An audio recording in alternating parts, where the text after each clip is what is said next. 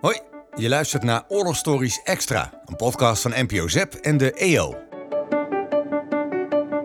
Vandaag hoor je het verhaal van de Oorlog van Phoenix, 15 jaar uit Arnhem.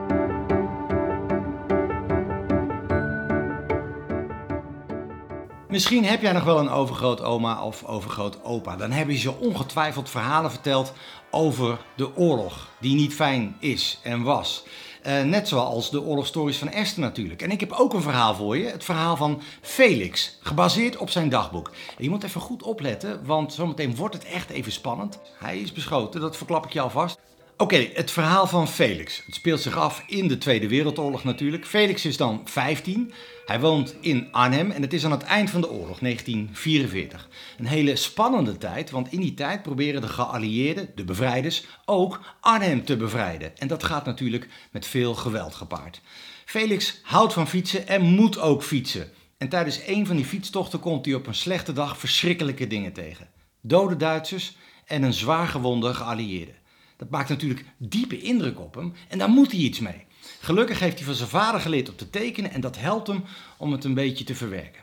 Ik ga uh, voorlezen uit het verhaal. Ik stap er gewoon even halverwege in.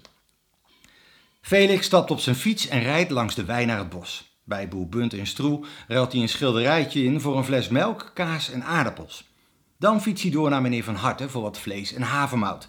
Die woont nu in een kippenhok omdat zijn eigen huis kapot gebombardeerd is. Hij maakt vaart. Boven hem cirkelen opnieuw vliegtuigen. Alleen nog het schilderij met de kerktoren afleveren. Net wil hij de grote weg op fietsen als er een vliegtuig omlaag duikt. Hij twijfelt geen seconde, smijt zijn fiets weg en springt in een schuilgat. Het bos zit er vol mee. Het eerste vliegtuig laat twee bommen vallen. Zandwolken stijgen op een kluiten zand en scherven vallen naast hem neer. Hij knijpt zijn ogen stijf dicht en houdt zijn handen voor zijn oren, terwijl boven hem de motoren brullen en de kogels knetteren en knallen. Dit was het dan, denkt hij. Dit was het leven van Felix Valk. Een tweede vliegtuig duikt omlaag. Hij gluurt over de rand van het gat. Het vliegtuig komt recht op hem af. Een Spitfire. Hij ziet de piloot zelf zitten. Op dit moment haat hij de Engelsen. Als het vliegtuiggeloei weer weg is, klimt Felix uit de kuil.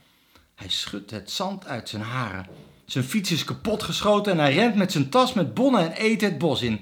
Langs verlaten, scheefgezakte karretjes van mensen die ook op voedseltocht waren. Na uren lopen is hij eindelijk thuis en pakt hij zijn tas uit. De bonnen en aardappels zijn een flarden en er zit een gat in de kaas. Een granaatscherf heeft paps schilderijtje doorboord en ook de kerktoren getroffen. Met trillende handen houdt hij het schilderijtje vast en gluurt als het ware door het kogelgat waar de blauwe lucht zich niks aantrekt van de oorlog. Hij is echt door het oog van de naald gekropen. Wat een verhaal van Felix. Een kogel door het schilderij, een kogel door de kaas, maar gelukkig geen kogel door Felix zelf. Want dan had hij het gewoon niet overleefd. Echt door het oog van de naald gekropen. Nou hoop je natuurlijk dat dat verhaal heel positief eindigt, maar dat is eigenlijk ook niet zo. Felix die komt thuis met die spullen en hoopt op een schouderklop van zijn vader dat hij trots op hem is. Dat hij misschien wel zou zeggen van hé, hey, je was een, een jongen toen de oorlog begon. Je bent nu echt een man geworden door die oorlog heen. Maar dat gebeurt niet. Geen Sweet 16 uh, voor uh, Felix.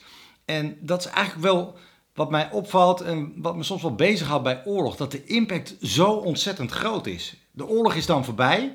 Maar de gevolgen van de oorlog, die zijn gewoon keihard voelbaar. Het is niet maar zo weg. Zo van, oh ja, we zijn bevrijd, yo, en door. Nee, die, die impact van die oorlog gaat nog heel erg lang door. En ik heb eigenlijk wel een vraag voor jou daarover. Van, hoe ga jij nou om met moeilijke dingen? Hoe pak je dan de draad weer op? Ben ik nieuwsgierig naar. Uh, dit is dan het verhaal van Felix. Er zijn nog veel meer verhalen te vertellen. Bijvoorbeeld ook de oorlogstories van Esther. Die gaan ook nog eventjes door. Check die op het uh, kanaal van uh, Zep. Nog meer oorlogstories extra horen? Luister in je podcast-app of ga naar de oorlogstories op de website van ZEP.